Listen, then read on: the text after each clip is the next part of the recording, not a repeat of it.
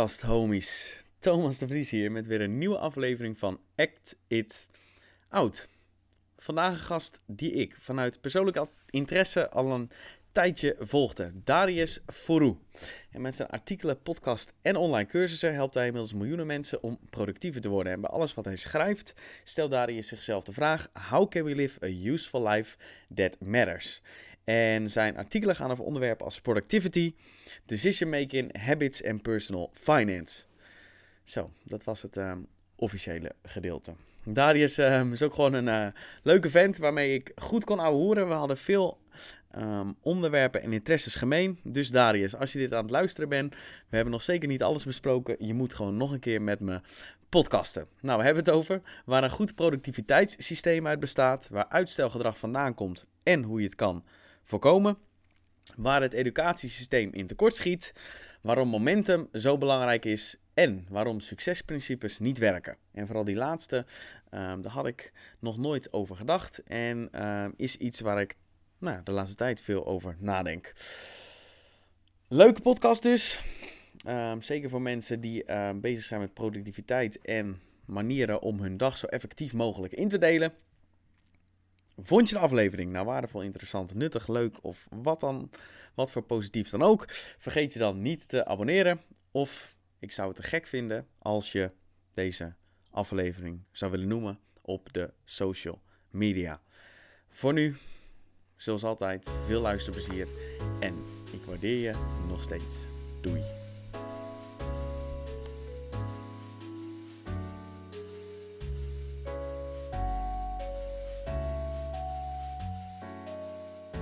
Zo, Darius. Leuk man dat je uh, met me wil podcasten. Jij, jij, ja, doet... vind... Sorry? Ja, ik vind het ook leuk om uh, gast te zijn. Mooi, ja, je doet het zelf natuurlijk ook. En meestal zit je dan aan de andere kant.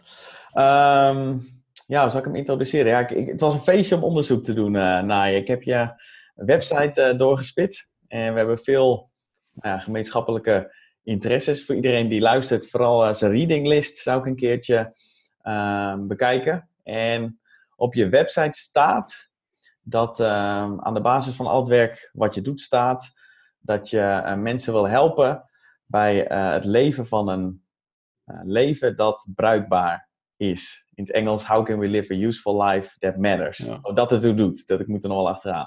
En daarbij ja, staan vier dingen centraal. Productiviteit, gewoontes, het nemen van de juiste beslissingen en uh, persoonlijke financiën. Mm. Dat is nogal wat uh, qua, uh, qua onderwerp. En ik ben heel nieuwsgierig, hoe, ehm, hoe ben je daarmee begonnen? Hoe ben je daarin gerold? Ja, die vraag die staat inderdaad echt centraal aan, aan alles wat ik doe. Omdat ik, um, nou ja, begin 2015, toen, toen werkte ik nog in Londen bij IT-adviesbureau. Okay. En uh, daarnaast had ik ook uh, eigen bedrijf samen met mijn familie en dat deed ik erbij. En uh, overdag was ik met mijn baan bezig en vaak s'avonds en het weekend aan het werk. En ik, ik vond mijn leven, ja, het klinkt misschien wel raar, maar van buiten zag het er allemaal wel heel leuk en succesvol uit.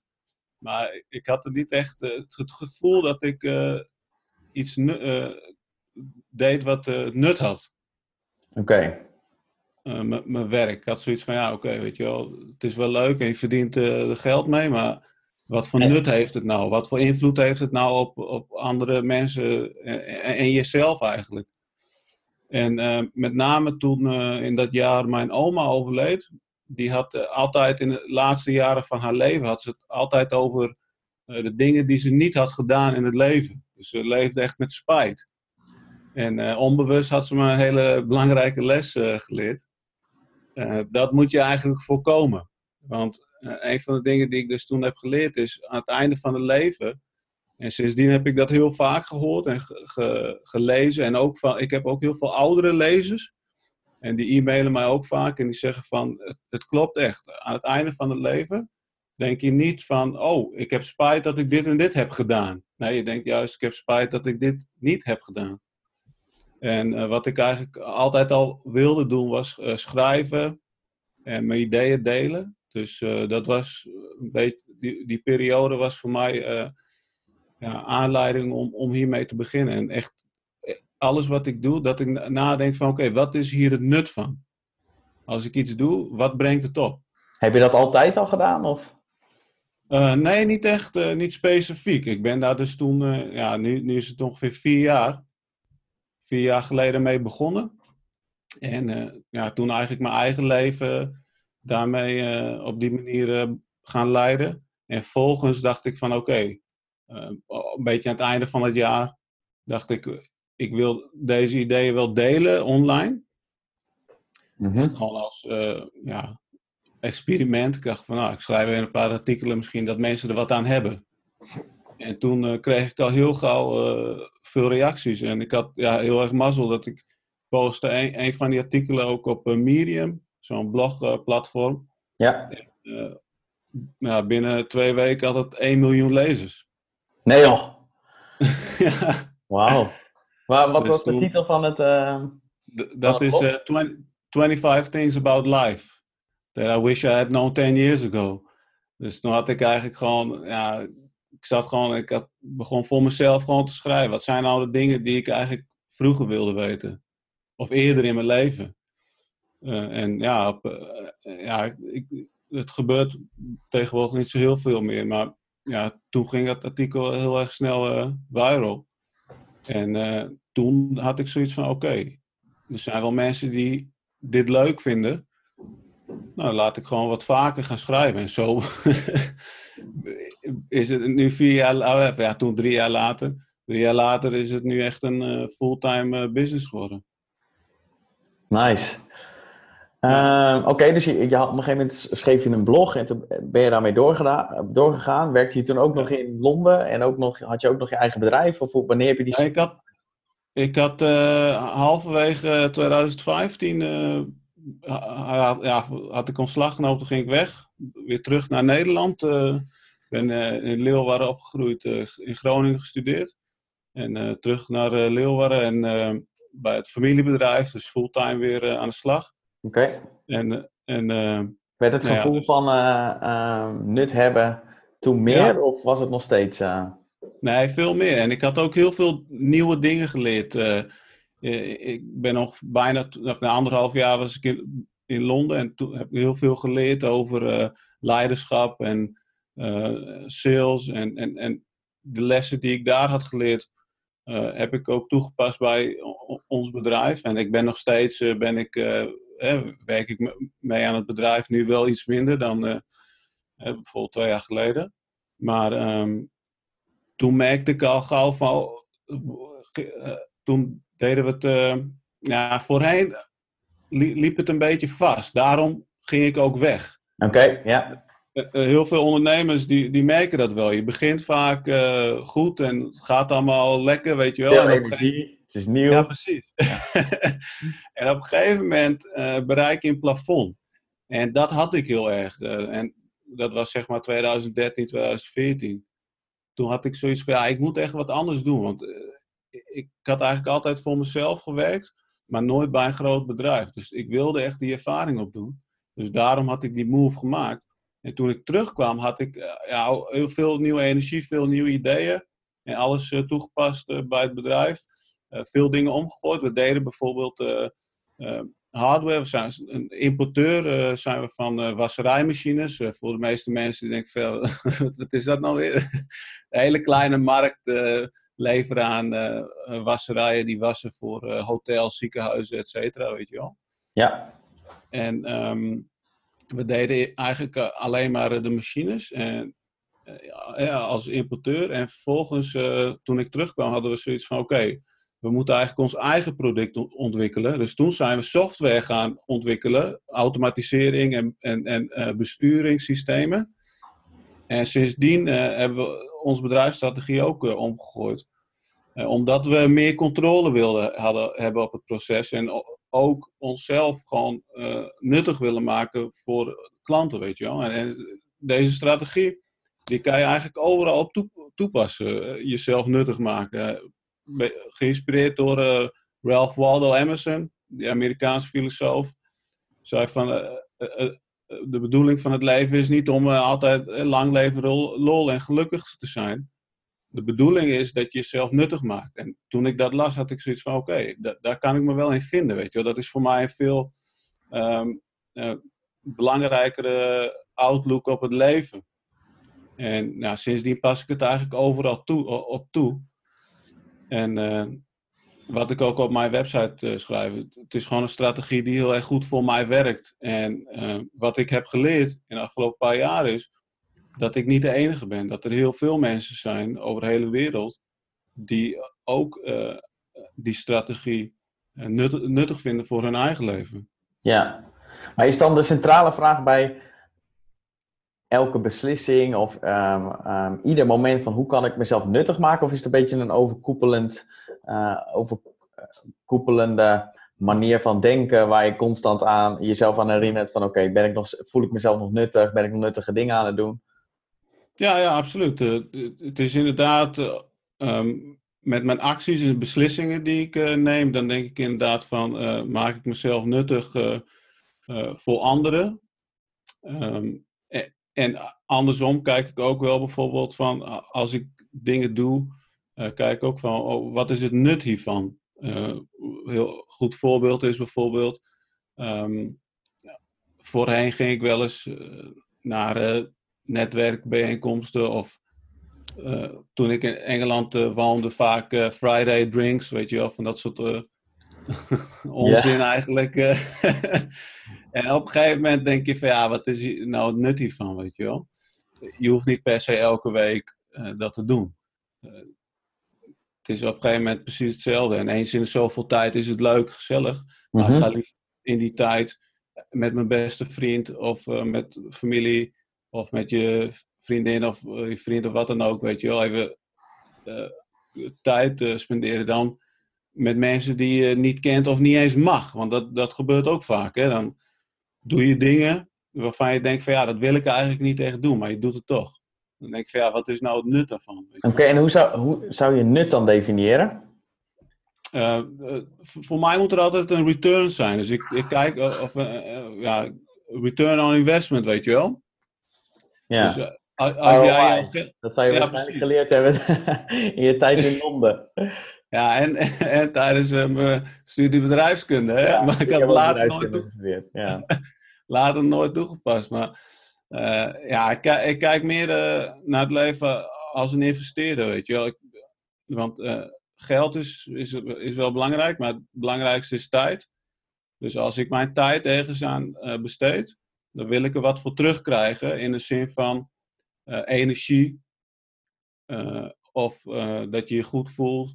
Dus als, je, als ik mijn tijd besteed met vrienden of familie, mensen die ik graag mag, dan krijg je daar gewoon heel veel voor terug. Ja, heb je ook met, die, met die manier van denken, heb je ook vrienden afgestoten die je geen energie gaven? Of heb je de, de manier waarop je je relaties benadert veranderd? Ja, absoluut. Ja, zeker. Ik ben als, zo, met sommige mensen die bijvoorbeeld energie alleen maar zuigen, van jou, vind ik van, ah, daar moet je gewoon afstand van nemen, want dat heeft gewoon niet zoveel nut voor jou. En dat klinkt een beetje egoïstisch, maar de, manier waarop ik naar kijk is van, iedereen zit in een soort van eco of in een soort van systeem. Je beïnvloedt allerlei mensen om je heen. Mm-hmm. dus je, je moet, als je aan jezelf denkt, en, en dat is een beetje de filoso filosofie die van de Sigmund Freud en Nietzsche en zo, die stroming vandaan komt. Zij zeiden altijd van focus op jezelf. Zorg dat jij je zaken goed op orde hebt. Want als jij dat hebt, dan kan je ook andere mensen daarmee helpen. En je hoeft niet per se mensen te gaan helpen in de zin van boodschappentas dragen of zo. Je helpt al mensen door gewoon... Wat ook best aardig is, toch? ja, precies. maar je helpt al mensen in jouw omgeving, op je werk of uh, thuis of bij je vrienden. Door gewoon uh, een stabiel persoon te zijn, positief te zijn, uh, niet te klagen, dat soort dingen. En, en, en dat is moeilijk als jij mensen om je heen hebt die wel zo zijn. Iedereen heeft wel vrienden die altijd lopen te zeiken, weet je wel. En altijd problemen hebben. En, en de vraag is dan van, wil je die wel in jouw leven hebben? Ja, ja eens. Maar ik vind het, ik, ik heb hier ook wel ehm, ehm, over nagedacht. Maar de beslissing nemen om iemand dan niet meer te zien of zo, of die, dat is best wel, eh, nou, het is lastig. Ja, het is hard. Het is, je moet, je moet Hard- daar hard in zijn. Ja. En eh, dat, ik heb dat een beetje lang. Ik ben eigenlijk. Dat heb ik altijd wel, altijd wel een beetje gehad in mijn leven. Want ik, ik, ik koos eh, vanaf het eh, begin al voor mijn studie. Ehm, en later werk. En ik had bijvoorbeeld ook wel tijdens mijn studietijd eh, vrienden die alleen maar op stap wilden gaan.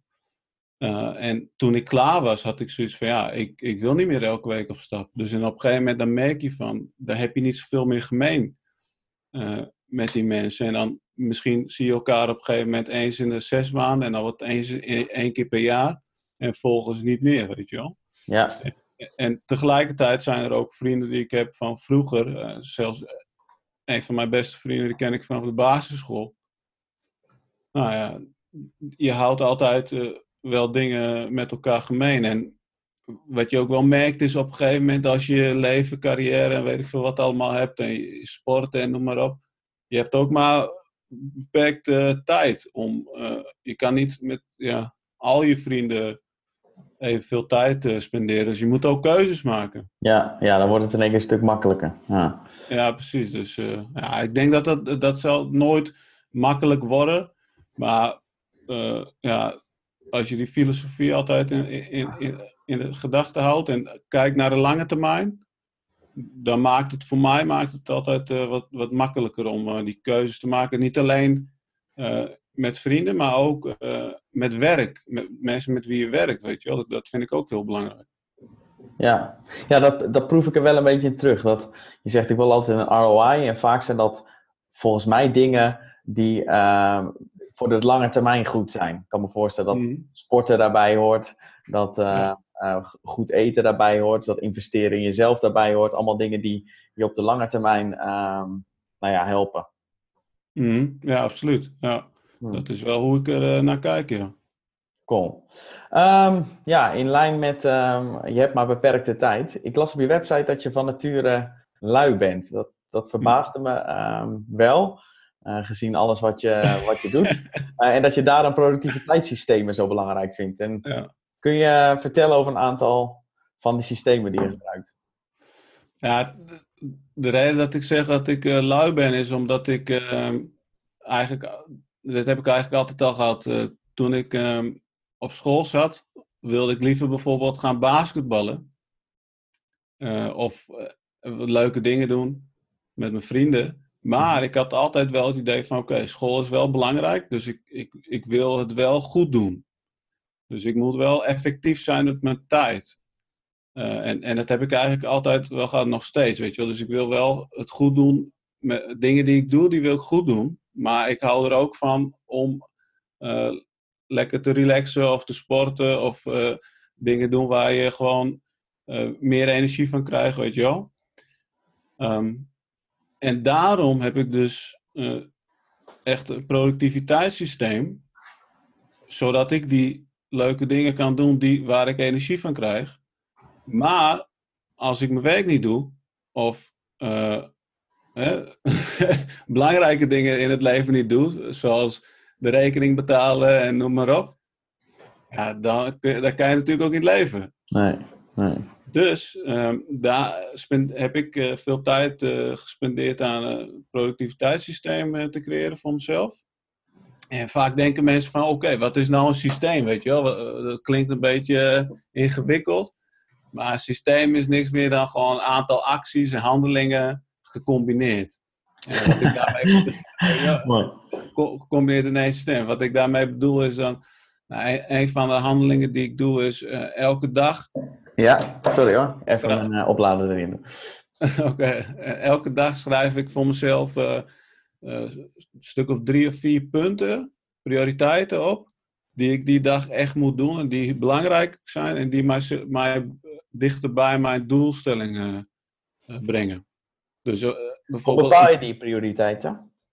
eh, die, die moeten dus uh, maar dichterbij met doelstellingen Oké, brengen. Bijvoorbeeld, Dat is, eh, ja, bijvoorbeeld e-mails beantwoorden brengt mij niet per se dichterbij mijn doelstelling. Bijvoorbeeld, eh, mijn, een van mijn doelstellingen met mijn website is om eh, zoveel mogelijk mensen in de wereld te bereiken met mijn artikelen.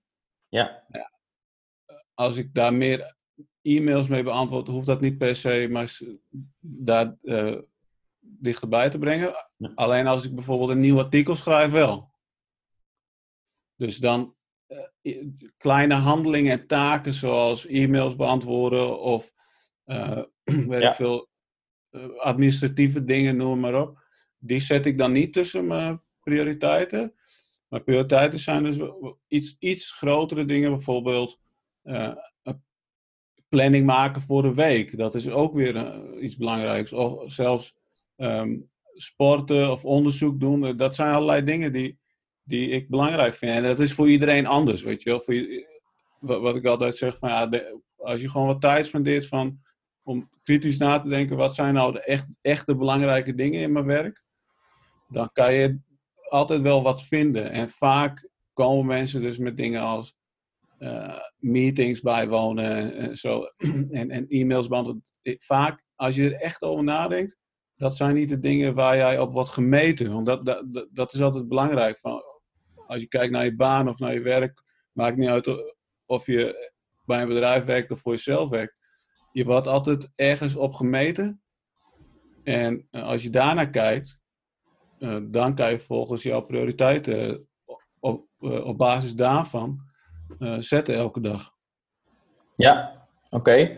Dus je doet aan het begin van de dag doe je eh, drie dingen of een aantal dingen opschrijven waarvan je zeker Ja. weet dat ze je dichter bij je hoog over het doel brengen. Ja. Je doet een planning maken in de week. Zijn er nog Ja. andere dingen? Ja, ik doe. eh, ja, ik heb een, een lijst. eh, heb ik hier ook voor me. Ik, die heb ik in mijn, eh, in mijn eh, notitieboekje. Ik heb hem gewoon, eh, gewoon geprint. En daar heb ik dus opgeschreven wat mijn belangrijkste handelingen zijn. Of eigenlijk kun je, kun je ze ook gewoontes noemen, weet je wel. Ehm, bijvoorbeeld, eh, eh, een van de dingen die ik ook doe is ehm, elke ochtend, eh, trouwens die prioriteiten, die, die, die zet ik of in de ochtend of de avond ervoor. Dat maakt niet zoveel uit. De avond ervoor vind ik ook wel vaak goed om, dan, dan weet ik, zodra ik opsta, dan weet ik precies wat, ik, wat ik ga doen Mhm. wat ik doe is, ik schrijf ook op waar ik dankbaar voor ben in de ochtend. En dat is eh, cliché en, en je hoort het heel vaak en je leest het eh, heel vaak. Eh, en vaak als je het hoort denk je van oké, ja leuk. En dan ga je gewoon verder. Maar, dan, maar als je het echt toepast in je leven en je ga, schrijft gewoon op, of je hoeft niet eens op te schrijven, denk gewoon na in je hoofd en je visualiseert het. Waar je, waar je voor dankbaar bent dan merk je vanzelf dat je veel minder gaat klagen. Ja, waar was je? Ja, ik ben, ik ben eens. Ik heb, het, eh, Ja. ik heb het een hele tijd ochtends gedaan. Nu doe ik het op het moment eh, als, ik, als ik heel gestrest ben. Dan Oké. is mij een, een, een trigger dat ik eh, moet gaan zitten en over een aantal dingen moet nadenken waar ik dankbaar voor ben. Maar nieuwsgierig, waar was je vanochtend dankbaar voor? Ja, ik- ik- wat ik vaak doe, is wat ik ook leuk vind, dat heb ik van eh, Sam Harris. Ken je die trouwens, Sam Ja, Harris? ja, zeker. Ja. mindfulness en zo. Ik had laatst eh, van hem, had hij het over, vaak ben je dankbaar voor je dingen die je hebt. En hij zei, je moet ook dankbaar zijn voor de dingen, of daar kan je over nadenken, eh, voor de dingen die, eh, die je niet zijn overkomen in het leven. Dus vanochtend had ik zoiets van, oké, ja, ik ben wel dankbaar dat ik niet in, bijvoorbeeld in een, in een ontwikkelingsland woon. Hè, klinkt misschien wel hard, maar zo is het eigenlijk wel, weet je wel. We- We zijn natuurlijk wel heel erg eh, eh, ja, bevooroordeeld om in, in Nederland, eh, wat gewoon een van de beste landen ter wereld is, eh, te Ja, wonen. Eens, ja. Ja, ik En, heb, en, ja. ja wat wil, wil je nog wat zeggen? Nou, als je daar alleen gewoon over nadenkt, denk je van zo, man, ik, heb wel, ik ja, ik ben wel blij dat ik hier, Ja. dat ik hier woon, weet je wel. ja, dat biedt wel echt het juiste perspectief. eh. Ja, als je dan vervolgens aan het werk gaat en je had er dan, daarvoor geen zin in, dan denk je ja, maar ik Ja. woon niet in een ontwikkelingsland en ik woon gewoon in een prima land. Ja, mooi. Ja, precies.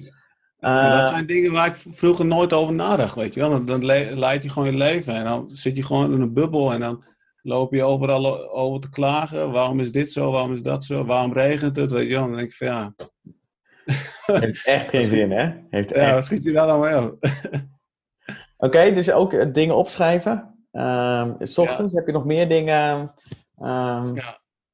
Ja, wat, wat, wat ik uh, graag, graag doe is, ik, ik ben ook uh, veel bezig met uh, gezondheid. Ik schrijf er iets minder over, maar wat ik ook doe is intermittent fasting. Ja, dat doe ik ook al vier jaar of zo. Ja, dus dat, dat, daar ben ik heel erg wel over te spreken. Van, voor, de, voor, voor, de luisteraar, intermittent fasting is niets anders dan een langere periode uh, niet eten, gevolgd door een korte periode wel eten. Meestal 16 uur niet en dan 8 uur wel. Doe je dat ook? Ja, ja klopt. Ja. Ik nice. eet vaak uh, mijn, mijn avondmaaltijd tussen uh, 6 en 7. En dan eet ik mijn volgende maand, maaltijd de volgende ochtend tussen 11 en 12 of iets ja. dergelijks. Ja. Dus er zit wel heel wat uren zitten daartussen. Maar ik merk wel als ik ochtends opsta.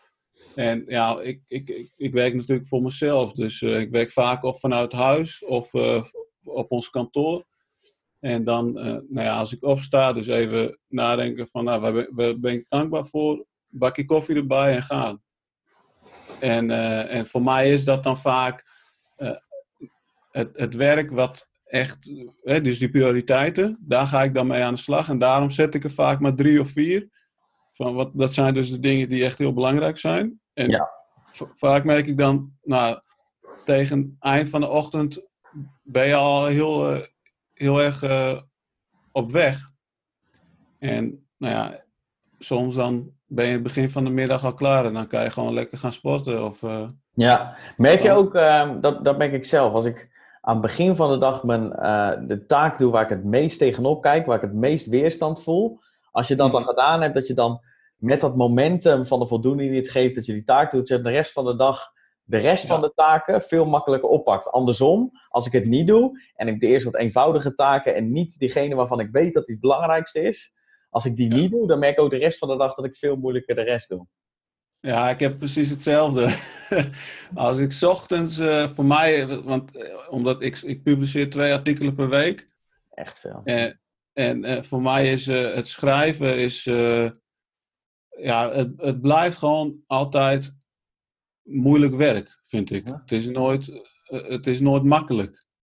Dus als ik in de ochtend dat doe, direct nadat ik opsta, dan heb ik precies hetzelfde. En dan is de rest van de dag is gewoon ja, een soort van uh, bonus, weet je wel. Ja. Alles wat je dan doet is zoiets van, ja, oké, okay, leuk. En als ik het niet doe, dan is het ook leuk. Ja, en met het is echt een wereld van verschil. Want als ik, ik merk dan wel, dan ga ik sporten als ik een goede dag gehad heb. Ten opzichte ja, van. Uh, als ik ga sporten als ik een slechte, nou, dat, dat is totaal anders. Dat is totaal anders. Dus ook de gewichten die je, kan, uh, die je op kan tillen, dat is helemaal verstand.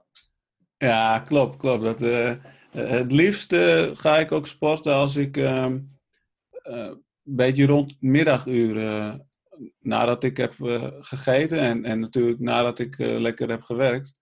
En dan deel je de dag in tweeën op.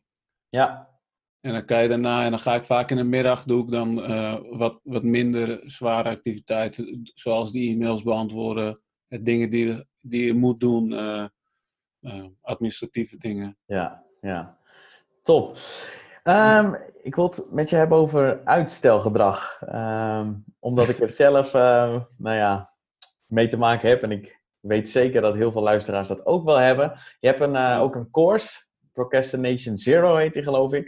Um, ja. En ik ben wel nieuwsgierig naar een aantal uh, slimme tips om uitstelgedrag uh, te voorkomen. Ja, ja wat ik het belangrijkste vind, als je vaak dingen niet doet die je eigenlijk wil doen. Want dat, wat, dat is het, hè? Want je zegt van, oké, ik wil bijvoorbeeld een boek gaan schrijven of ik wil een bedrijf beginnen. En het komt er nooit van waarom is dat, weet je wel? Um, vaak ligt het niet zozeer aan uh, de mogelijkheden of de resources of iets dergelijks. Of uh, ik heb geen geld, ik heb geen tijd, noem maar op. Uh, vaak ligt het daar niet aan. Vaak, wat ik merk is, het, het probleem ligt vaak bij de, de reden. Waarom wil je iets gaan doen? En vaak zie je, en dat heb ik zelf ook gedaan, dan zeg je van, oké, ik wil de wereld gaan rondreizen. Waarom? En dan als je, en daarom uh, beveel ik ook iedereen aan om te, ja, een logboek of een dagboek bij te houden. Voor jezelf gewoon schrijven, zodat je meer bewust wordt van je eigen gedachten. En van jezelf. Um, om, om die reden altijd te achterhalen van waarom wil je iets gaan doen. En, en als er geen match is tussen uh, jouw reden en het ding wat je, wil gaan, wat je echt wil gaan doen. Als, als, als je het niet op één lijn zit van, en je wilt het niet echt, echt van binnen. Want vaak zie je van, vaak willen we dingen doen omdat andere mensen het doen. Of omdat het populair is. En is het dan geen match? Dus ik wil heel graag een boek schrijven omdat, dat, omdat ik dat cool lijkt of zo. En ja, precies. dan matcht dat niet? nee, precies. Oh, vaak, dat is wel een goed voorbeeld. Stel je wilt een boek schrijven. En wat ik heel vaak hoor is van, ja, ik wil een boek schrijven omdat het een uh, goed visitekaartje is. Of staat goed op mijn cv. Dat, dat is vaak niet voldoende reden Mhm. om iets te doen. Mhm. Dan, de, als je van binnen, de meeste mensen schrijven een boek omdat ze echt een, een, iets kwijt willen. Ja, En dan maakt het buiten willen brengen. Ja, precies. Maakt Ja. niet, eh, en heel veel mensen schrijven zelfs een boek puur voor hunzelf. Van ja, het zit in mijn hoofd en ik moet het eruit he- hebben, weet je wel. En dat, dat zijn wel echt de redenen om iets te doen. Ehm, als En jij, hoe verschillen die twee dan? eh, hoe bedoel je? Ehm, nou, stel, stel ik wil een boek schrijven omdat iets eruit moet. En stel ik wil een boek schrijven omdat dat goed staat op mijn cv. Hoe, hoe verschillen die twee? Nou ja, je, je merkt het gewoon direct, eh, eh, vind ik. Als, jij, eh, als jouw beweegredenen gewoon echt aansluiten op wat jij van, die van binnen wilt, in plaats van ehm, ex- externe redenen. Dat, dat noemt eh, Warren Buffett altijd de inner scorecard en de outer scorecard. Dus als jij, als jij jou ehm, laat leiden door jouw inner scorecard, dus Mhm. als jij dingen doet voor jezelf, dan ben je veel, meer, veel sneller geneigd om jouw vrije tijd daaraan te besteden. Om jouw ochtenden, je avonden daaraan te besteden. Eh, alleen als het de eh, external scorecard is, dan vaak merk je van, ja oké, ik kan het morgen op zich ook wel doen, weet je wel. Eh, Je, geeft het vaak niet zo, zo gauw aan jezelf toe. Maar wat je daarmee zegt is van, eigenlijk is het niet belangrijk. En wat ik altijd mensen probeer uit te, dagen, is van, als jij dingen uitstelt in je leven, eh, ga, dan eh, introspectie doen, weet je wel. Ga gewoon nadenken van, of eh, schrijven, of sommige mensen leren door schrijven, sommige mensen leren door praten. Ehm, maar kijk wat voor jou het beste is en probeer te- jouw reden te achterhalen. En als het, als het echt iets is wat jij wilt doen, dan moet je de prioriteiten stel- stellen Mhm. en focus op één ding. En dat is ook een van de dingen die ik in de cursus eh, behandel. Is van we gaan eerst kijken van hoe belangrijk is iets. En vervolgens gaan we alle, andere dingen die je in je hoofd hebt of die je wil doen, die zet je gewoon weg. Stap je in de ijskast en je focust gewoon op één ding per gebied van je leven. Dus je hoeft niet per se op één ding in je hele leven te focussen, want zo werkt het vaak. Dat zou wel heel grappig zijn als ik bijvoorbeeld alleen maar een boek zou schrijven en niet meer eh, de huur zou of mijn hypotheek zou betalen of noem maar op, weet je wel. Eh, maar de focus gewoon op één ding per eh, gebied van je leven: gezondheid, werk, privé. eh, Op één ding per gebied, zeg je? Of- ja, één ding per gebied. En zoveel gebieden zijn er ook weer niet, weet je wel. Je hebt je werk, je hebt je gezondheid, je hebt je, je relatie, je, je, je vrienden of, eh, eh, en je Ja. hobby. Ja, Ja. daar houdt het wel op, weet je wel. Ja. Wel echt moeilijk om te kiezen. En niet met verschillende Ja. dingen bezig te zijn. Want eh, kiezen voor één betekent ook niet kiezen voor de andere. En dat, als Ja. ik zelf kijk, dan, eh, dan is het best een uitdaging. Ja, absoluut. Dat is het, moeilijk, eh, het, het, moeilijkste eraan. Daarom eh, ja, stellen we ook zoveel uit, hè? Ja, dus als, ja, eh, dus als ik het goed begrijp, hoog over nadenken over de reden waarom je het doet. Nou, als er een Ja. match is tussen wat je wilt doen en de reden waarom, dan Ja. de rest eh, uitsluiten en dan per dag Ja. prioriteiten bepalen om alleen de juiste dingen te doen. Ja, ja als je dat doet, dan eh, ben je al productiever dan 99% van de mensen. Eh, Het is niet een wetenschappelijk onderzoek of zo, maar dat is gewoon mijn, mijn ervaring. Ja, Oké, nou, goeie, goeie. Ja. Eh, ik zit gelijk te denken dat, eh, dat ik dat op sommige gebieden ook maar weer eens moet gaan doen. Eh, Ja, ik ben, ik ben er zelf ook constant mee bezig hoor. Het is niet eh, dat, ik- dat ik zeg van oké, want vaak weten we wel heel veel dingen. Ongetwijfeld, als je, als je hiernaar aan het luisteren bent, het is niet je eerste podcast of ding over persoonlijke ontwikkeling, weet je wel. Alleen vaak eh, is het niet belangrijk wat je weet. Wat belangrijk is, is wat je nou precies doet. Yep. En, en ik ben zelf ook constant, eh, ik, heel veel dingen natuurlijk gelezen, maar ik moet constant zelf dingen eh, toepassen. Ja. Dus daarom hou ik mijn logboek bij en ben ik altijd, stel ik mezelf vragen, oké, doe ik die dingen wel? En vaak, eh, soms is het antwoord nee. ja, Dus dan moet je even, even die switch maken. En dan klinkt het misschien van, oh ja, het is een beetje veel werk en zo. Ja, ik wil ook wel een beetje relaxed of leuk leven, vri- vrij leven leiden. Ja, wat je ge- z- ziet, ja, Jocko Willink, weet je wel? discipline, Discipline, equals ja. freedom. Ja, ja. Precies. En dat is wat de meeste mensen dan pas eh, zien als ze het toepassen. Als jij die discipline hebt om al die dingen te doen, dan opeens heb je in één keer heel veel vrijheid. En, dat me- en daarom ben ik altijd gedreven om dit zo te leiden. Ik, ik sta nu al drie jaar elke ochtend zonder wekker op. Nou, die vrijheid, die, die wil ik graag houden. Maar dan moet ik wel dingen doen die ik Ja, weet. ja. Weet je wel? Nice, nice. Eh, schoot me net... Oh ja, je hebt een eh, artikel geschreven over een aantal vragen die je kunt stellen om eh, wat meer self-aware te worden. Dat is een goed artikel. Ik zal hem in de show notes zetten. Ik las hem toen ik, nou, dit... En toen je dat net zei over journaling, je zou vragen stellen, die vragen zouden daar best bij, eh, bij kunnen helpen. Dus ik zet hem in de show notes voor de, voor de luisteraars. Oké. ja. Ehm, Ja, Het, het doel is trouwens van, van, van dat artikel eh, om voor jezelf eh, achter te komen waar ben ik nou goed in en waar ben ik eh, niet zo goed in. En een van de dingen die ik trouwens eh, eigenlijk vroeger altijd eh, geloofde en ik denk dat komt een beetje door het onderwijssysteem, maar ook door heel veel bedrijven die die filosofie hebben, is van verbeter je zwaktes. Ik weet dat je, heb jij dat ook meegekregen? Dat idee dat je je zwaktes moet verbeteren? Ehm, het onderwijssysteem of werk. Nee, ik- vind wel in marketing dat er altijd heel erg op eh iemands zwaktes en op hetgene wat iemand niet heeft wordt gewezen. Hmm. Direct van het. Hoe heb je dat in het onderwijs meegekregen? Nou ja, je, je moet, omdat je daar gewoon eigenlijk eh, niet mag kiezen waar je goed in bent. Dus je krijgt gewoon een pakket. Iedereen moet dezelfde vakken gaan. Of hey, je hebt er wel een klein beetje keuze, maar dat is minimaal.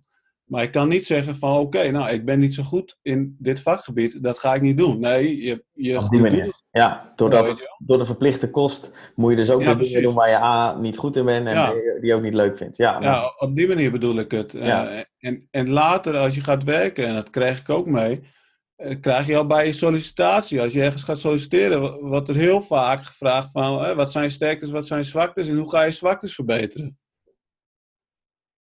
En op een gegeven moment las ik Peter Drucker, Managing Oneself. Dat een van mijn favorieten, dat is een artikel, eh, kan je wel op in- internet vinden. Is Ja. ook, ook uitgebracht als een boekje. Maar Peter Drucker, een van de meest eh, bekende management consultants, eh, zei van, nee, dat is onzin. Ik heb nog nooit een succesvolle persoon gezien die een carrière heeft gebouwd op zwaktes. Alle succesvolle mensen hebben een carrière gebouwd op hun sterkte. En het, uh, hun zwaktes hebben ze gewoon uh, weggedaan. Daar hebben ze gewoon niks mee gedaan, weet je wel. Wat heb jij veranderd uh, toen je dat... Welke dingen ben je echt goed in waar je alleen maar meer van doet? En welke dingen waar je niet in goed in bent, ben je, ben je mee gestopt? Ja, dat is wel dat is een hele goede. Ik, voor mij, een van de dingen die ik ook dus van Peter Drucker had geleerd, is sterkte en zwakte. Moet je niet alleen kijken naar um, skills, uh, maar ook uh, naar werkomgeving. Bijvoorbeeld, ik werk liever niet in een drukke omgeving of met mensen om me heen. En op ons bedrijf, we hebben ook personeel. Um, en we hebben een redelijk open, hoe heet het? Uh, ja, floorplan. Ruimte, ja, ja. ja werkvloer. ja. Open werkvloer, bureaus, iedereen. En, en er wordt constant wat aan je gevraagd. Weet je wel? Telefoontjes, noem maar op. Dus ik probeer mij zo min mogelijk in die omgeving uh, uh, te zetten. Dus daar werk ik de, schrijven en zo en dingen creëren.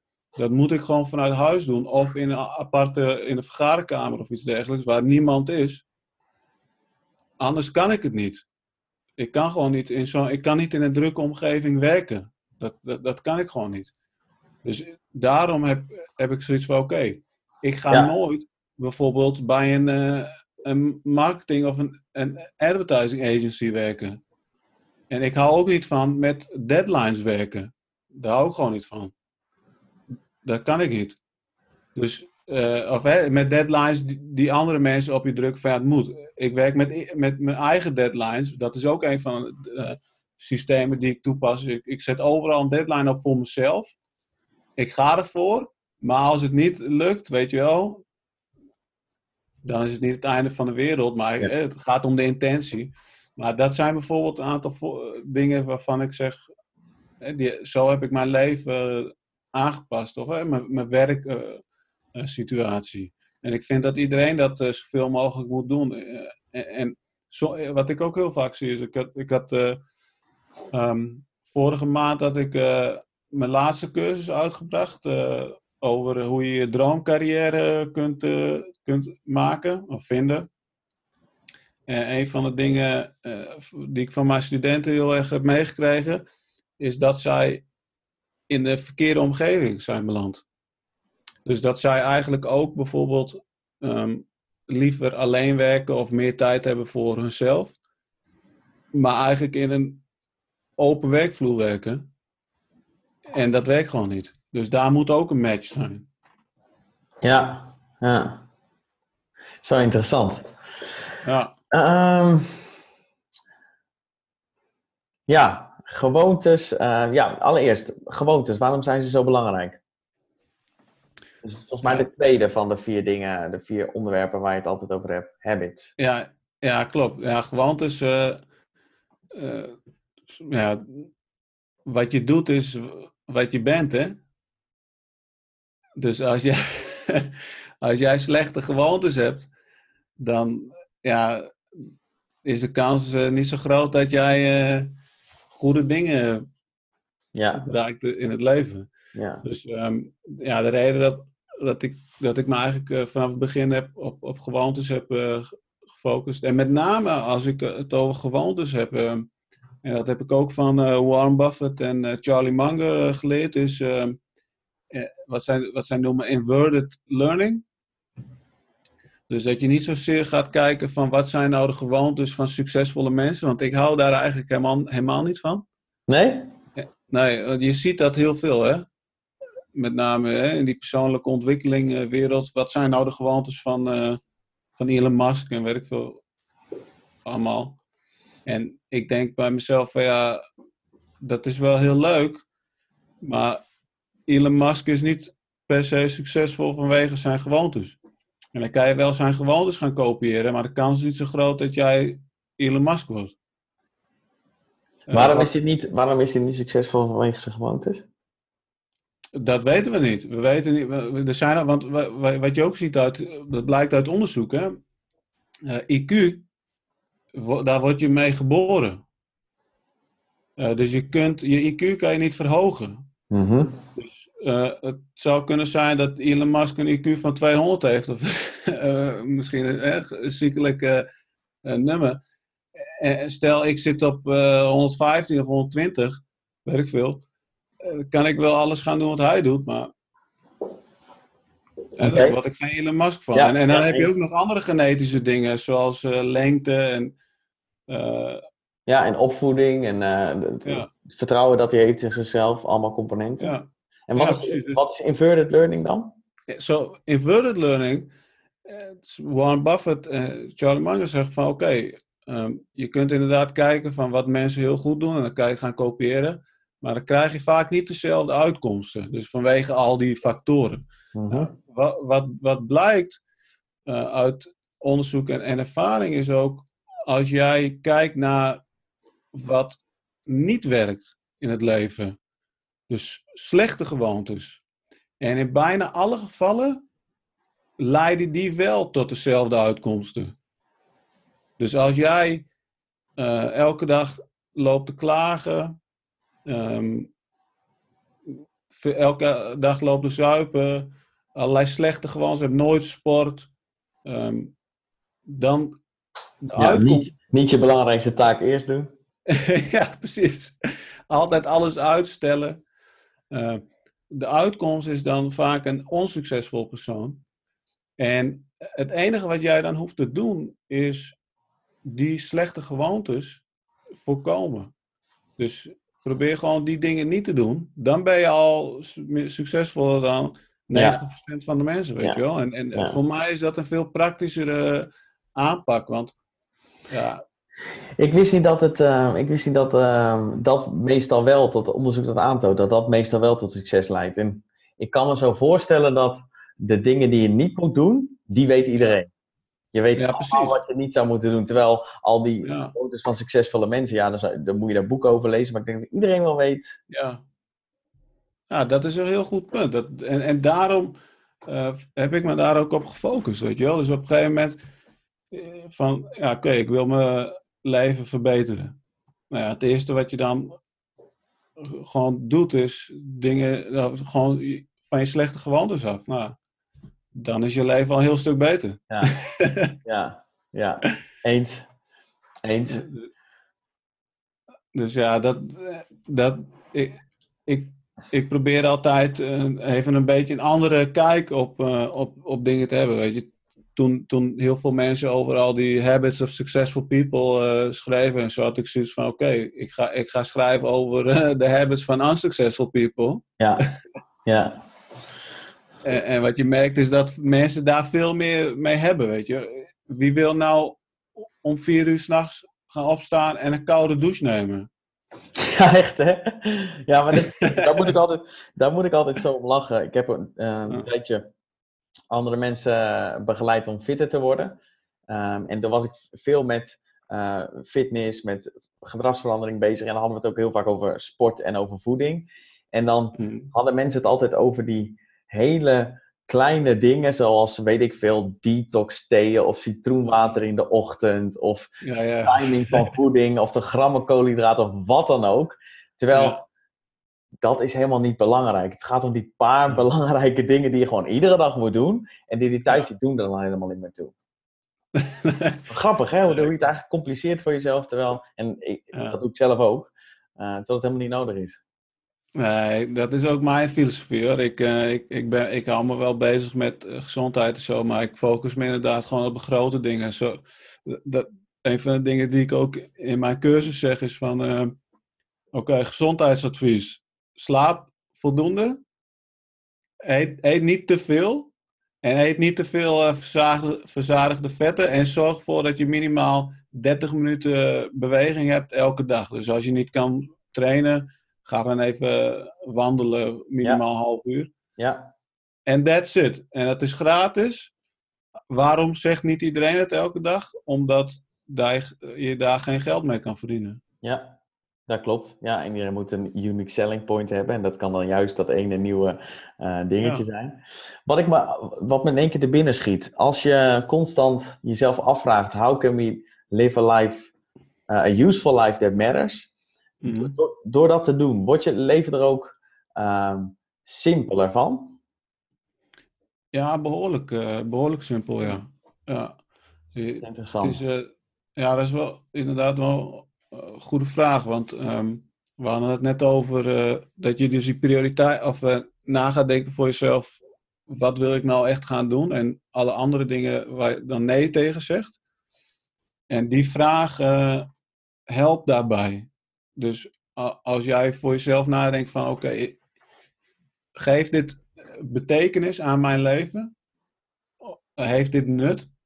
En wat ik dan zie is bij 90% van de activiteiten is mijn antwoord nee. Dus wat je daar dan aan overhoudt is dat je gewoon inderdaad een heel simpel leven hebt. Waarbij je, nou ja, werk, sporten, familie, vrienden, je relatie. ehm, en ja, that's it. Mhm. Ja, ja. En, en, en, je- en je vermaakt je gewoon, weet je wel. Je, je, je doet gewoon dingen die je leuk vindt, eh, waar je energie van krijgt. Ehm, en voor iedereen is dat weer anders. Eh, ik, ik hou bijvoorbeeld ontzettend eh, van lezen. Ik vind het heel leuk om een uur lang gewoon te zitten en te lezen. En daar krijg ik veel energie van.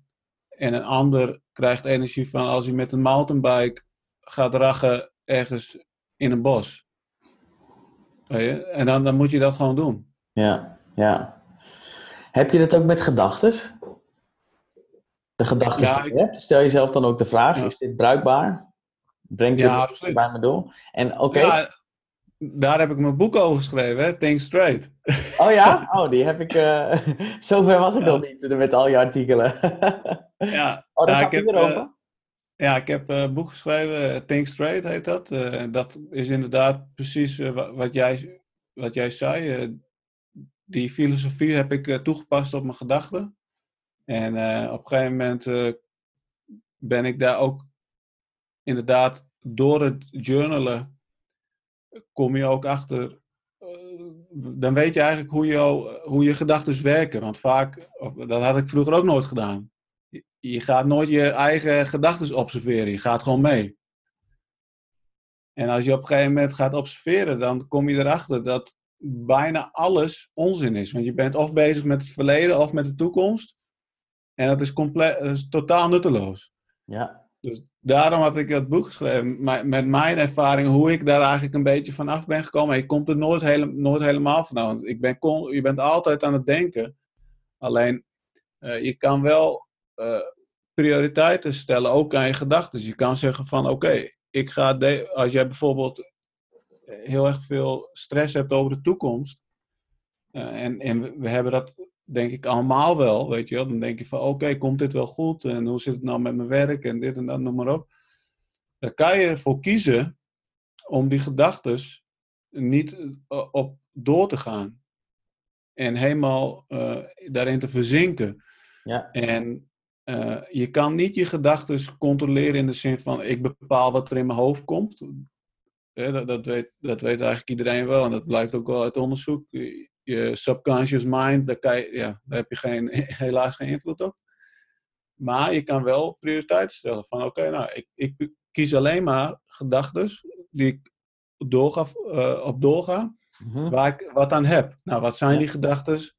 Nou, plannen maken, um, nuttige dingen, weet je, dingen die je moet doen voor je werk. Uh. Als je de spiegel kijkt en denkt, wat een lekker ding. ja, ja, als het werkt, dan, dan, moet je dat gewoon doen, weet je wel. Mooi. Um, ik, voorzichtige aanname, komt het ook door mediteren dat, uh, dat je daar beter in bent geworden? Ja, ook wel, ja. ja. Dat, uh, het is wel grappig, want mijn, mijn boek uh, had ik in 2017 uh, geschreven. En -huh. ik was toen eigenlijk niet zoveel, nog niet echt met meditatie en mindfulness uh, bezig. Maar ik had die filosofie, wat grappig is, um, gebaseerd op het uh, pragmatisme. uh, en dat is begonnen door Amerikaanse psycholoog William James. En ik, ik, ik, ik ben op dit moment ook bezig om het boek te vertalen in het Nederlands. waarschijnlijk denk praktisch als titel.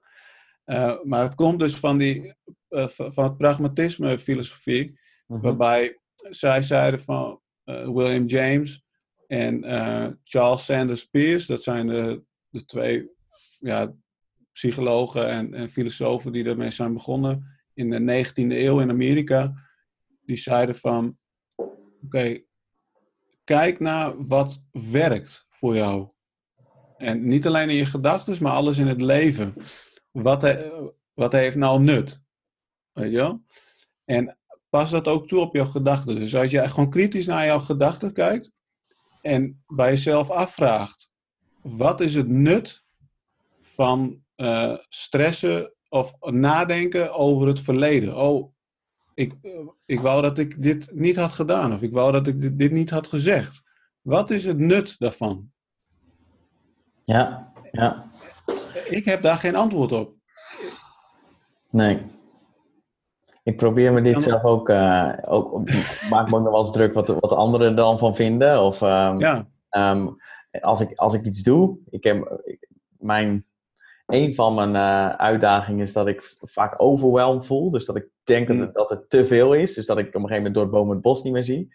Um, en dan vraag ik mezelf ook af van ja, weet je wel, dient dat ergens voor? Helpt dat? En zou je het ook anders kunnen doen? En meestal is het een kwestie van opdelen in kleinere, uh, kleinere, kleinere taken en dan inderdaad ja. prioriteit eraan stellen en dan verdwijnt die overwhelm ook wel. Maar je hebt er dus niet. Je hebt er gewoon helemaal niks aan.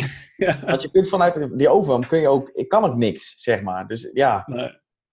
Grappig. Ja, ik ben totaal machteloos inderdaad. Eh, je, je, je, je, kunt ook, je hebt ook inderdaad geen controle over, je kan, je kan echt niks. Nee. En als je dat bij jezelf, als je die realisatie op een gegeven moment hebt, dan, dan maakt het wel makkelijker. En ja, kijk, ik, ik, heb, ik heb natuurlijk ook wel die momenten.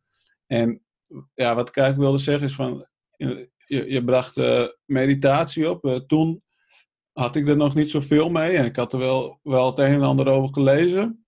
Maar met name het afgelopen jaar had ik zoiets van, um, naast um, want je moet, vind ik, op een of andere manier een soort van focus uh, creëren voor jezelf. Dat je niet constant meegaat in die gedachten.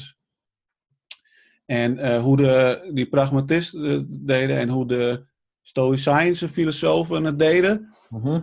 was door, door te schrijven. Zij deden dat met name of door te schrijven of door elke dag te praten over filosofie. Dus over hoe leef je nou, hoe kijk je tegen dingen aan. Dus constant herhalen. En, en dat werkt voor mij wel goed. Alleen uh, toen, ja, eigenlijk ben ik dus die uh, Sam Harris uh, gaan volgen en gaan luisteren. Dacht ik van oké, ik wil ook wel met dat mediteren gaan experimenteren. Mindfulness met name. Waar, waar hij het over heeft, dus Vipassana meditatie. Ja. Dus toen ben ik me daar ook in, gaan verdiepen. En ik vind dat ook wel gewoon een, een goed, goed, instrument, want zo kijk ik ernaar. Ja, volgens mij is het doel toch mindfulness, dus in het nu zijn. En een, een tool is meditatie, of ja, precies. kan stofzuigen zijn of sporten, maar volgens mij is het doel mindfulness in het nu zijn. Inderdaad. En, en hoe ik dat doe is, ik, ik, ik, ik hou niet echt van uh, zittend mediteren. Uh, meer bijvoorbeeld als ik uh, wandel of tijdens het sporten eh, geen muziek op, weet je wel. Gewoon uh, totaal concentreren op je, als je krachttraining doet, op je gewichten of op je beweging. Of, ik heb ook heel lang, uh, deed ik elke dag hardlopen. Dus als je aan het hardlopen bent, kan je ook heel goed mediteren. Dus concentreren op je, op je voetstappen. Ja, het ritme, nou, nog tik, tik, tik, ja, heel meditatief, ja. Ja, dus en daarmee, uh, zodra je gewoon helemaal geconcentreerd bent daarop, dan, uh, dan ja, ben je eigenlijk aan het mediteren. Ja. Zonder dat je het vaak weet. Ja, in het nu zijn gewoon ben je. Ja. ja. Mindful. En, ja. ja. precies. En, en dat vertaalt zich dan weer naar de rest van je leven. Uh, dat jij gewoon, soms dan die, waar jij het over had, dat overwhelmed zijn, eh, dat hebben we, de- hebben we allemaal wel. Weet je. En, en vaak komt dat eh, op hele onverwachte momenten, weet je wel. Ja, nou, ik, bij, bij mij meestal op een eh, bekend moment, als ik een, een, een nieuw plan wil maken en ik wil beginnen. Dan komt Ja, het, het gevoel komt in één keer ja, nee, op. klopt. Het gevoel komt op. Het gevoel komt op. Sowieso. Ja, ja, ja. ja dat, dat bedoel ik meer in, in de zin van, dan ben je, ene moment ben je met energie bezig, met je nieuwe plannen. ja. het andere moment is het in één keer, oh. Ja, zo apart. Dat is echt zo apart. Ja. Ehm, nog twee eh, onderwerpjes die ik eh, kort graag met je wil bespreken, als je nog even tijd hebt. ja, is goed. Mooi. Ehm, ja, je hebt het ook vaak over beslissingen maken en mentale modellen. Dat vind ik zelf ook een eh, interessant model. Dat als je bepaalde principes aanhoudt, dat, dat de beslissingen die je neemt in principe beter zouden worden. Eh, Mhm. In ieder geval gemiddeld genomen. Ja, En nou, we hebben het natuurlijk al wel redelijk over mentale modellen gehad. Dus altijd in de achterhoofd houden eh, of dingen nut hebben, met korte termijn, lange termijn. Maar ik ben wel nieuwsgierig, wat eh, kun je een laatste grote beslissing noemen die je, die je genomen hebt en wat toen je gedachtegang en je afwegingen waren? ja ik, had, ik ben nu een maand bezig met eh, wekelijkse video's eh, publiceren. Ja, En dat was een hele grote beslissing. Ehm, omdat ik er een grote beslissing van heb gemaakt. en dat, dat is eigenlijk het eerste wat, wat ik heb geleerd. Eh, vaak maak je van grote beslissingen, maak je ze, oh, bij sommigen, en ik ben daar een van, maak je ze heel klein. Dan denk je van overconfidence. Zeg je, oh, oh, ik kan best wel elke week eh, twee video's maken. ja, dat heb Of- ik altijd als ik mijn planning maak. Ja, ja, weet je wel? Overconfidence eh, bias noemen ze dat. En eh, heel veel hebben dat. En, en dat komt omdat dan, dan word je ja, enthousiast over iets. Dan denk je van, oh, ik kan wel eh, een blog beginnen. Doe ik elke week twee artikelen, of elke week één, of elke week twee podcasts, of noem maar op. En dan merk je van een maand, na- een maand later, denk je, oh ja, nee, ik heb ook allemaal andere dingen. Ja, ik heb er geen één geschreven. Ja. Dus eh, het eerste wat ik deed bij deze beslissing was: oké, ik ga er niet zomaar mee beginnen. Ik ga het echt overwegen en ik ga kijken naar voordelen en nadelen. Ik ga nadenken over de lange termijn. Wat wil ik hiermee bereiken? En waar we het in het begin over hadden, wil ik dit echt? Dus ik ben daar heel langzaam mee begonnen. Ehm, nou ja, ik denk een jaar geleden, rond deze tijd heb ik een aantal video's gepubliceerd. Nou, wat ik da- toen, dus dat, dat beveel ik ook altijd bij iedereen aan. Van, probeer als je een beslissing moet maken, kijk of je iets kan doen eh, zonder eh, commitments. Of zon- dat je een soort van experiment kan doen. Mhm. Ja, Dus stel dat, dat jij de wereld rond wil reizen, daar zou ik niet direct mijn baan op gaan zeggen. en, en, en, eh, en een jaarplanning maken. dan zou ik gewoon twee, drie weken vakantie nemen en alleen weggaan. En pa, misschien twee, drie landen bezoeken en kijken of het wat is. Ja. En dat heb ik dus ook gedaan. Eh, vorig jaar een paar filmpjes gemaakt. Nou, wat, waar ik erachter kwam van... Ik vind dit leuk om te doen, maar het vereist ook heel veel tijd. Dus toen heb ik op dat moment de keuze gemaakt van ik ga het niet doen op dat moment. Ik ga het pas later doen als ik mijn andere doelstelling heb bereikt. En toen de tijd was het, ik wilde nog twee nieuwe cursussen maken. Dus toen heb ik afgelopen jaar geconcentreerd op twee nieuwe cu- videocursussen maken. En begin dit jaar had ik zoiets van, oké, ik heb dus nu vier online cursussen. En ik heb nu meer tijd om niet alleen artikelen te schrijven. En het is nu een fulltime business. Dus ik heb eh, meer tijd om eh, met video's bezig te gaan. Ik vind het leuk. En op de lange termijn eh, geeft het mij ruimte om mijn publiek te verspreiden. Dus niet alleen mensen die lezen, niet alleen mensen die willen luisteren naar de podcast die ik heb, maar ook willen kijken. dus op die manier heb ik die keuze gemaakt in stappen. En in eerste instantie geen commitments maken. En vervolgens kijken van wat heb ik daarvan geleerd. En wachten op de juiste tijd. Dus dat is uh, de strategie die ik uh, heb gebruikt bij mijn laatste uh, ja, redelijk grote keuze. Want ja, het is wel een grote tijdcommitment die je maakt, weet je, om elke week twee filmpjes ja, ja. naast. yep. Nog, ja. Ik, dus, ik, weet, ik weet het inmiddels. ja, ja. ja maar als je er naar luistert of naar kijkt, dan, ja, dan, dan weet je eigenlijk niet zo, hoeveel tijd erin zit. En, ja, jij doet natuurlijk uh, onderzoek naar je gasten, noem maar op. Daarna ja. editen, publiceren, promotie. Ik heb ooit een, um, een video gemaakt voor mijn um, toen, toen de tijd bedrijfje. Daar ben ik dus ja. gewoon anderhalve dag mee bezig geweest. Voor een filmpje van anderhalve, of tweeënhalve minuut of zo. Ja, dat sloeg echt nergens op.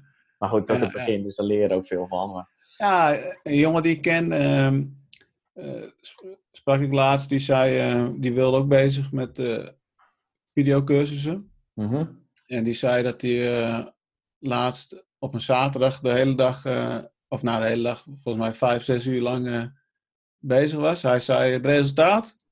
Anderhalve minuut. Video. ja, echt zo. Ja, was wel, ja, was wel zijn eerste keer, maar ja, zo gaat dat, weet je wel. En, ja. ja. ja.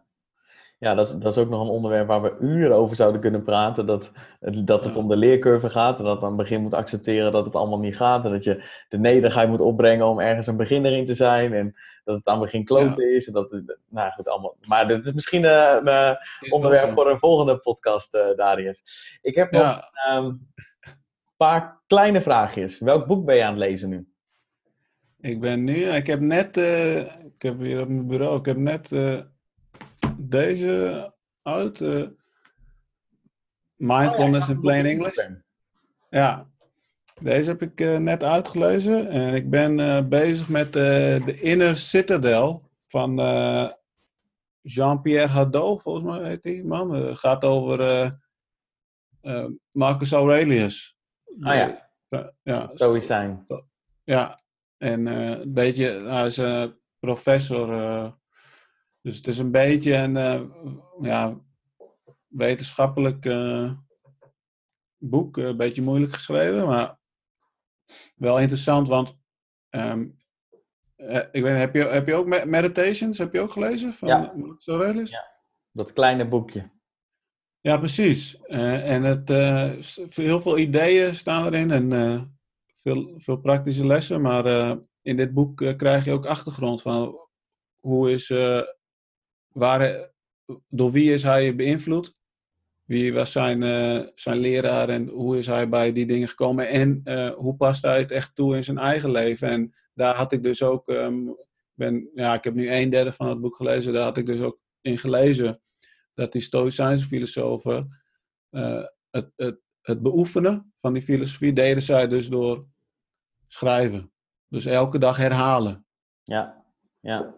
Ja, ik doe de laatste tijd ook uh, niet dagelijks, maar wel iedere keer als ik als mijn gedachten een beetje vastlopen of als ik denk, nou nu is het goed om, uh, om daar wat over te schrijven. En als ik het teruglees, dan denk ik wel eens, huh? maar uh, ja. het helpt. Het helpt, omdat je, je kunt maar zoveel gedachten per keer in je, in je hoofd houden. En als je het uitschrijft, ja. dan, dan kun je veel, krijg je een veel breder perspectief, uh, merk ik. Ja, klopt. Ja, dat is ook een van de dingen die... Ik kan het beste alles uit je hersenen dumpen. Want, ja, ja. ja, dat klopt. En daarom is het ook zo goed om een, uh, een, planning te maken en een productiviteitssysteem te hebben. Dat je niet alles in je hoofd moet houden. Want dat, dat ja. Uh, nou ja. Ja, het onderzoek blijkt dat je maar iets van zeven dingen, items kan onthouden. Dus, ja, nou dat... dat zit gauw vol. Ja, dat zit gauw vol, ja. Wat... Um, wat, hoe ziet de toekomst voor jou eruit? Wat is het de einddoel van jou? Ik, nou ja, het einddoel is uh, dus uh, gewoon ja, een leven leiden dat nut heeft. Ja.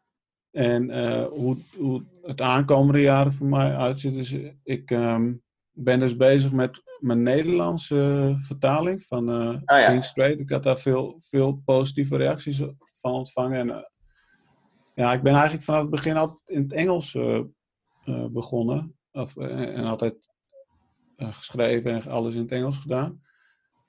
Maar ik hoor ook wel van ja, vrienden en kennissen en, en natuurlijk, en nu jij um, contact had gezocht, weet je wel. Mm -hmm.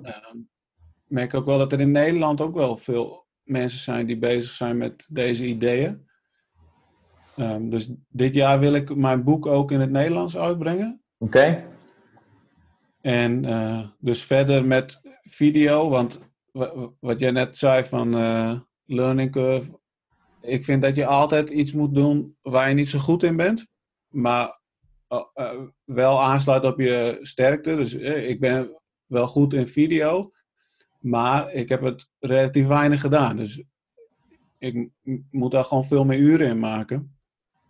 Dus dat, en dat wil ik dit jaar gaan doen. Um, dus en voor de rest gewoon meer van hetzelfde. Meer artikelen, want zolang ik blijf leren, uh, dan blijven er, ja, blijven er nieuwe ideeën komen. En ik heb nu bijna 300 artikelen gepubliceerd. Dus, uh, Gaaf. Dat is een mooi aantal. Ja. Dude, uh, onwijs bedankt voor het gesprek. Ik, uh, ik, terwijl, terwijl je net het woord was, dacht ik, ja, ik moet hem, ik moet hem echt nog eventjes terugluisteren. A, om alle boeken op te schrijven, maar B, ook om je ideeën daarmee te gaan. En dat is altijd een goed teken. Dus ja, onwijs bedankt. En voordat ehm, ik de laatste vraag stel, waar kunnen mensen jou online vinden? Uh, nou, het beste is uh, via mijn uh, newsletter op uh, dariusvooroe.com. Um, ik, ik, deel ja, eigenlijk al mijn ideeën via de newsletter en ehm, probeer ook de laatste tijd iets meer op social media te doen. Oké. Instagram en Twitter, Facebook. En daar heet je ook Darius Verroe? Ja. Het zal een naam zijn die niet heel veel volgt. nee, precies. Nogmaals de Vries maken. Ja, ja. maar met, met name via mijn nieuwsletter. Oké, nieuwsletter. En ik kan hem zeker aanbevelen om uh, daarvoor aan te melden. Um, ja, laatste vraag. En ik, misschien dat ik het, um, nou het antwoord weet ik eigenlijk al, maar misschien heb je er nog een, um, een andere, kun je er nog een andere draai aan geven. Wat is jouw definitie van een goed leven? De definitie van een goed leven is uh, dat je zelf uh, kan bepalen wat je doet. Als je ochtends opstaat, uh, dat je zelf kan bepalen wat je die dag gaat doen. Uh, dus die, die vrijheid is uh, voor mij de definitie van een goed leven. En daarom schrijf ik dus ook over die onderwerpen. En, en we, hebben, we hebben het niet eens over personal finance gehad, maar dat is natuurlijk ook een, een, een deel van, van een goed leven. Dat je je financiën ook goed op orde moet hebben. Ja, daar ben ik het dus, helemaal mee eens. Maar ja. ik, ik, dacht gewoon strategisch gezien behandel ik het niet, want dan moeten we nog een keer. Ja, inderdaad, de volgende keer. Helemaal goed. Thanks, man. Ja, ja, ook bedankt. Darius uh, dames en heren. Zo, dat was hem weer. Het blijft leuk om mensen die ergens veel over weten of verstand van hebben te mogen interviewen en hun ik weet niet hoe je het zegt, pick their brain. Hun hersenen te prikken. om gewoon zoveel mogelijk te leren van ze. Maar serieus, uh, Darius heeft een uh, prachtig mooie blog, dariusvooroe.com, waarbij hij uh, mooie blogs, mooie, nuttige en praktische blogs schrijft over alle onderwerpen waar we het over gehad hebben in het gesprek. Dus een bezoek aan zijn website is zeker de moeite waard. Spreek je later. Doei doei.